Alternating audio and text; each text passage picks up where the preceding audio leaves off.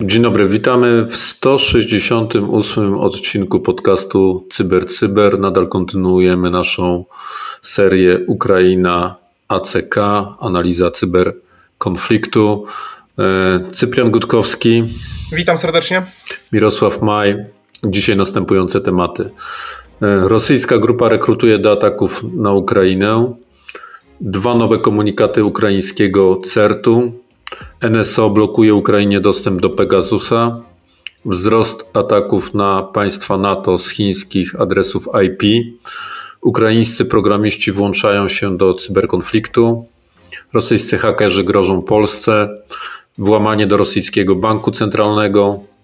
Rosja blokuje Google News. Ataki przeciwko firmom, które nie wycofały się z Rosji. I CISA wspiera firmy infrastruktury krytycznej. Dziękuję bardzo. Rzeczywiście jest już taki czas, że trochę, trochę od ataku minęło dokładnie miesiąc. W związku z tym mm, przeszliśmy już do takich bardziej też felietonów, które zaczynają się pojawiać, zauważyliśmy w mediach. Jednym z takich napisany został przez autorów Newsweeka i tutaj jest mowa o działającym Cyberfront Z. Jest to Z oczywiście od klasycznej Zetki malowanej na sprzęcie rosyjskim. Jest to grupa, która mm, działa w internecie, głównie na kanałach y, czy to w kontakcie, czy Telegramu, TikToku, YouTubie. Jest to grupa, która publikuje różnego rodzaju informacje na temat tego, co dzieje się według nich na Ukrainie. Jest to typowa propaganda rosyjska. Jeżeli czytamy w całym artykule, który opublikował Newsweek, możemy tutaj w, zobaczyć, że mm, tak naprawdę osoba, która jest rekrutowana, jest przekonywana do tego, że ona tak naprawdę nie musi nawet myśleć, nic robić. Ona dostanie gotowe komunikaty, podzielone na poszczególne e, sekcje, tak naprawdę, że jeżeli czegoś konkretnego dotyczą jakieś wpisy, to będzie konkretny komunikat, który będzie musiała tam wkleić i jeżeli na przykład wiemy, że chodzi o zabijane dzieci, no to już w tym momencie dostaje gotowy komentarz, który powinna wkleić. W zasadzie są namawiane te osoby do tego, żeby nic nie czytać i do niczego nie wnikać. Jedyne co, to tylko i wyłącznie wklejać e, komentarze i zrobić tego jak najwięcej. W ten sposób pomogą obalić, e, cytuję, huntę kijowską. E, w związku z czym rzeczywiście mm, dość ciekawa taka informacja, że same już trole też być może nie wystarczają w takiej sferze informacyjnej. Już jestem, mamy społeczeństwo trochę bardziej wyedukowane. Zwracamy uwagę, czy jest to ktoś, e, kto jest osobą prywatną, czy nawet osoba, która po prostu jest e, samym nikiem, nie przedstawiającym niczego i rzeczywiście wskazuje to na jakiegoś trola, bo nie ma żadnych obserwowanych, sama obserwuje zaledwie kilka osób. Tak tutaj właśnie tworzona jest tego rodzaju armia, która ma nie myśleć, natomiast wklejać różnego rodzaju informacje, które pomogą przechylić e, szale zwycięstwa w mediach i w tej warstwie informacyjnej na korzyść e, rosyjską. E, rzeczywiście mm, widać, że mamy z tym do czynienia, natomiast jeżeli spojrzeć też na ekspertów, co cytuje również Newsweek w swoim felietonie, obecnie niewątpliwie i bez wątpienia wygrywa Ukraina i to nie tylko poprzez to, że pokazuje to, co się tak naprawdę dzieje, ale również przez to, że ma doskonałego prezydenta, który jednak nawet nie chodzi o to, że był aktorem, Ronald Reagan też był, ale po prostu bardzo dużo pracował w mediach i ma wiedzę, jak pewne informacje przekazywać, dzięki czemu ta przewaga Ukrainy w portalach społecznościowych, oprócz tego, że pokazuje prawdę i słuszny kierunek, po prostu jest dużo lepsza i jest to pierwsza informacja, jaką dla Was dzisiaj zdobyliśmy. Mamy kolejne informacje, które opublikował ukraiński CERT, CERT UA. E, do przypomnienia, już kilka razy informowaliśmy o tych publikacjach, które systematycznie pojawiają się. E, specjaliści z CERT ukraińskiego głównie informują tutaj o atakach e, na instytucje rządowe. Tym razem pojawia, pojawiły się dwa nowe ostrzeżenia, dwa nowe komunikaty, które znalazły się na stronie ukraińskiej. Od razu tutaj zastrzegam, że nie przeprowadzaliśmy głębokiej analizy technicznej tych komunikatów i tego, y, o czym mówią te te alerty. Zachęcamy do odwiedzin. No, dodatkowym jakby problemem jest to, że to są komunikaty w, języku ukraińskim, więc pewnie trzeba się wczytać. No niemniej jednak tutaj tłumaczenie dosyć, dosyć proste można wykonać, chociażby z wykorzystaniem translatora Google. Więc mamy dwa komunikaty, które wpisują się w dotychczasowe wektory ataków, czyli mamy tutaj do czynienia z nowym wiperem. Mamy też tutaj taki podstawowy wektor ataku poprzez dostarczanie plików archiwizujących. W jednym przypadku jest to plik e, zip, w, jednym, w drugim przypadku jest to e, plik e, RAR. No są one, mają one charakter jakby destrukcyjny, czyli dochodzi do nadpisywania plików zerowymi blokami, dochodzi do wywołań różnych funkcji powiązanych z API chociażby. Mamy też do czynienia z, z przypadku od e, jakby odpalenia tych plików archiwizujących z załadowaniem plików e, klasy wykonywalnych, czyli, czyli exe, utworzenie nowych dokumentów, PDF, no wszystko to już jakby znamy te wektory ataku, one są mniej lub bardziej skomplikowane. Tutaj wydaje się, że ten komunikat drugi 0088 jest bardziej takim e, zaawansowanym, opisuje bardziej zaawansowany sposób ataku, rzadziej występujący do tej pory przy okazji jakby tego konfliktu więc no można się z tym zabezpieczyć, z tym zapoznać, można się zapoznać z zajokami związanymi e, z tym. Myślę, że warto to robić, dlatego że no, bardzo dużym prawdopodobieństwem źródła tych ataków to są źródła, e, które my możemy odnotowywać e, obecnie w polskich sieciach albo odpukać w najbliższej przyszłości, o czym pewnie jeszcze w czasie tego podcastu będziemy mówili E, w, kolejnych, w przypadku kolejnych e, ataków, więc e, zapraszamy do odwiedzin strony CERT.ua. Kolejną informacją, którą zdobyliśmy, jest informacja dotycząca tego, że e, Izrael nie chce sprzedawać Pegasusa, mm, czyli słynnego programu do inwigilacji na Ukrainę. E, chociaż właścicielem tego jest NSO, czyli firma prywatna, jednak e, ona bardzo mocno współpracuje z rządem izraelskim i z Ministerstwem Obrony. No i tutaj pojawiła się taka koncepcja, że nie należy sprzedawać Ukrainie czegoś, co może rozrażnić Rosjan. Rosja jest potrzebna tutaj Izraelowi, jak piszą eksperci, y, do tego, że panuje trochę nad Syrią i dzięki temu Izrael może realizować swoje projekty w tamtym obszarze świata, w tamtym obszarze świata, czy tak naprawdę u swoich sąsiadów.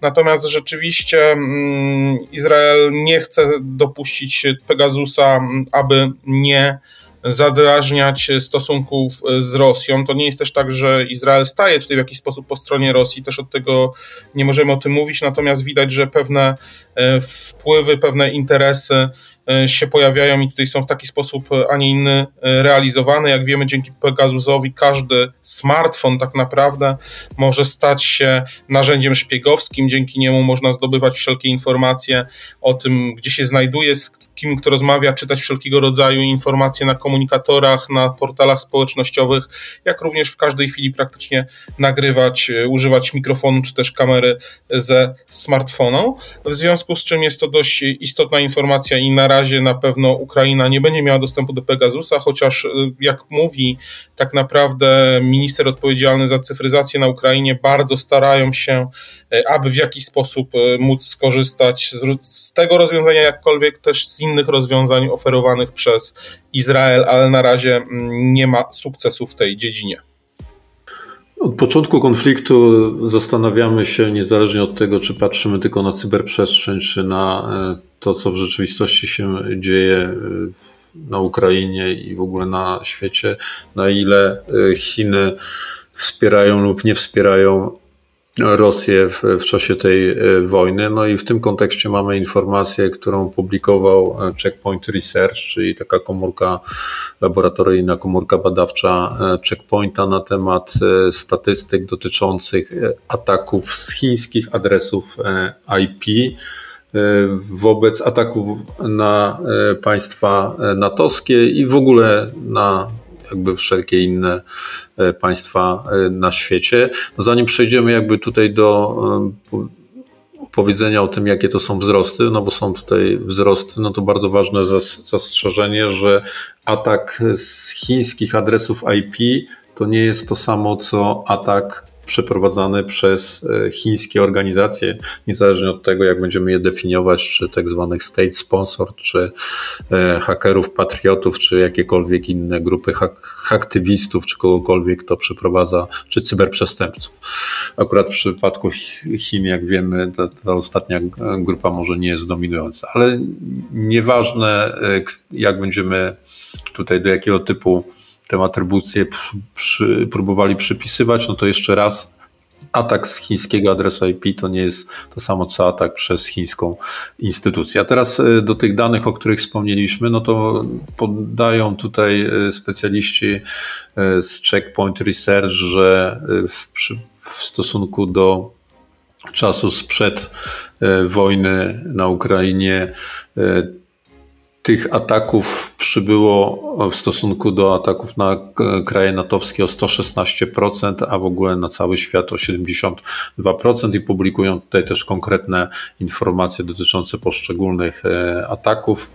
Powiedział, że Polska jest tutaj gdzieś w środku tej e, tabeli, jest w stosunku do e, tego, co było przed inwazją na Ukrainę przyrost 112%, a w stosunku do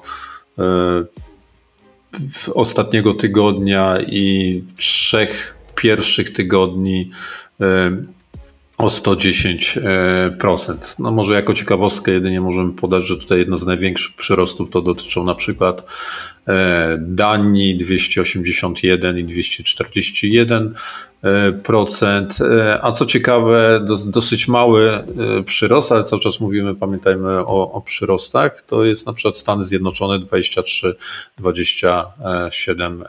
więc mamy jakąś tam wkładową do analiz tego, czy Chiny włączają się w cyberkonflikt, czy nie. Oczywiście jeszcze raz w kontekście użycia adresów e, IP chińskich, więc być może na przykład chodzi, dochodzi tu do operacji pod tak, tak zwanych operacji pod fałszywą e, flagą. No wszelkie tego typu informacje zawsze warto gdzieś tam sobie e, analizować i oczywiście wyciągać wnioski.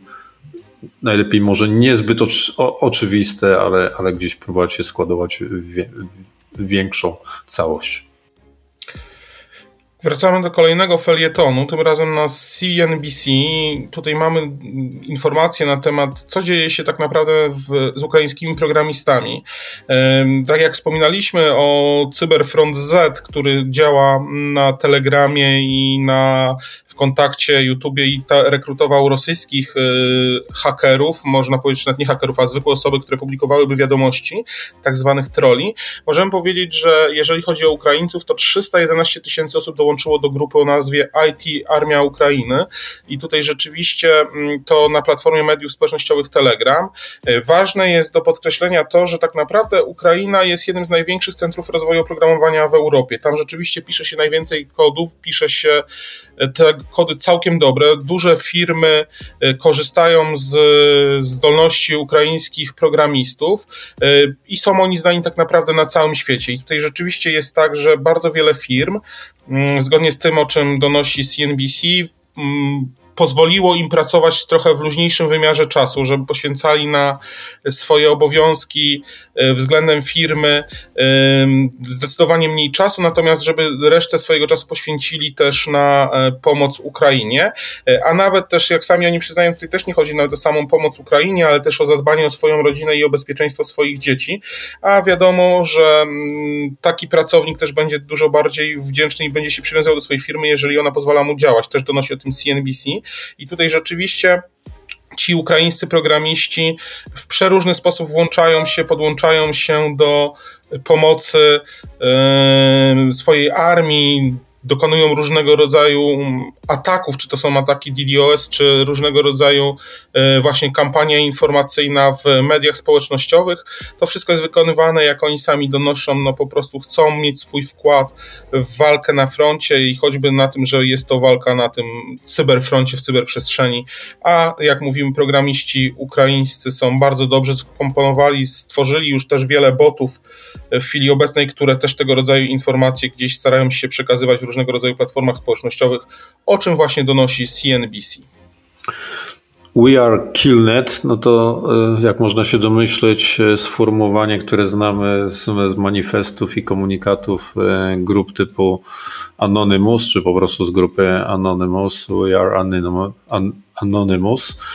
Tym razem ten Killnet to jest przedstawiciel rosyjskiego świata haktywizmu hakerskiego, jakkolwiek będziemy to nazywali, który tym razem ostrzega e, rząd, no, znowu będziemy musieli tu cytować, te, te cytaty trochę przypominają e, stwierdzenia e, z nieudanych, niedopracowanych akcji phishingowych typu nasz apel jest poważnym ostrzeżeniem dla rządu RP i ich ostrych pragnień. E, więc e, mamy taki komunikat. E, no, staramy się oczywiście, no, mamy gdzieś swoją ocenę tego, co robią grupy aktywistyczne, tak naprawdę uczciwie mówiąc, po jednej i po drugiej stronie. Natomiast no, myślę, że uczciwym, rzetelnym jest też i, i informować o tym. Nigdy nie wiadomo, czy któraś z tych, z tych akcji, wielu, wielu akcji nie, nie będzie w jakiś sposób dotykała. No, jeżeli miałaby dotykać w zakresie, o którym jest w tym komunikacie, no to oczywiście oczywiście e, no, nie, należy, nie należałoby tego traktować poważnie, ponieważ komunikat mówi e, o obietnicy zaszyfrowania wszystkich systemów informacyjnych, które mają dostęp do internetu w Twoim kraju, czyli w naszym e, kraju. No, niemniej jednak takie komunikaty się pojawiają. Ten komunikat e, jest w języku polskim, później gdzieś w połowie nagrania przechodzi na język angielski. E, gdzieś pojawiają się takie elementy, typu, które bym raczej określił, że jest to próba rekrutacji do takich działań albo chwalenia się dotychczasowymi dokonaniami, chociaż nie mam pewności, czy akurat jeśli w, w ogóle wystąpiły dokonania typu liczba E, przejętych stron witryn ukraińskich, e, zaatakowanych e, serwisów właśnie po stronie ukraińskiej, czy jeżeli w ogóle miały miejsce, to czy na pewno przez tę grupę było realizowane. Trochę jako ciekawostkę, gdzieś tam dla tych, którzy obserwują, jak w wymiarze Anonymous World i odpowiedników po stronie rosyjskiej ten cyberkonflikt wygląda. Tak, ja bym tutaj tylko dopowiem, ja bym się obawiał, bo jednak tylko Rosja potrafi prowadzić trzydniową operację przez miesiąc czasu, więc też e, rzeczywiście istotą można wyłączyć wszystkie środki informacyjne w kraju. Natomiast e, skoro już teraz e, mowa, odchodzę od felietonów i przechodzę do krótkich informacji, które pojawiają się z naszych kontaktów, czy z informacji, które podawane są w mediach społecznościowych od kolektywu anonimowych. Anonimusi poinformowali, że włamano się do banku Banku Centralnego Federacji Rosyjskiej na dowód tego przedstawili kilka dokumentów. Nie wiemy, czy to prawda, czy nie, ale też mówią, że zdobyli ponad 35 tysięcy plików i one zostaną upublicznione w przeciągu 48 godzin. Czy prawdą jest ten fakt, czy nie? Trudno nam określić, no pożyjemy, zobaczymy. Natomiast e, rzeczywiście jakieś tam materiały zaczynają się pojawiać. Są to najwątpliwie materiały z banku Centralnego Federacji Rosyjskiej, ale czy one gdzieś występowały wcześniej, czy też nie, e, tego już nie jesteśmy my Wam przynajmniej w stanie powiedzieć, więc e, czekamy na 48 godzin i dalsze informacje w tej sprawie.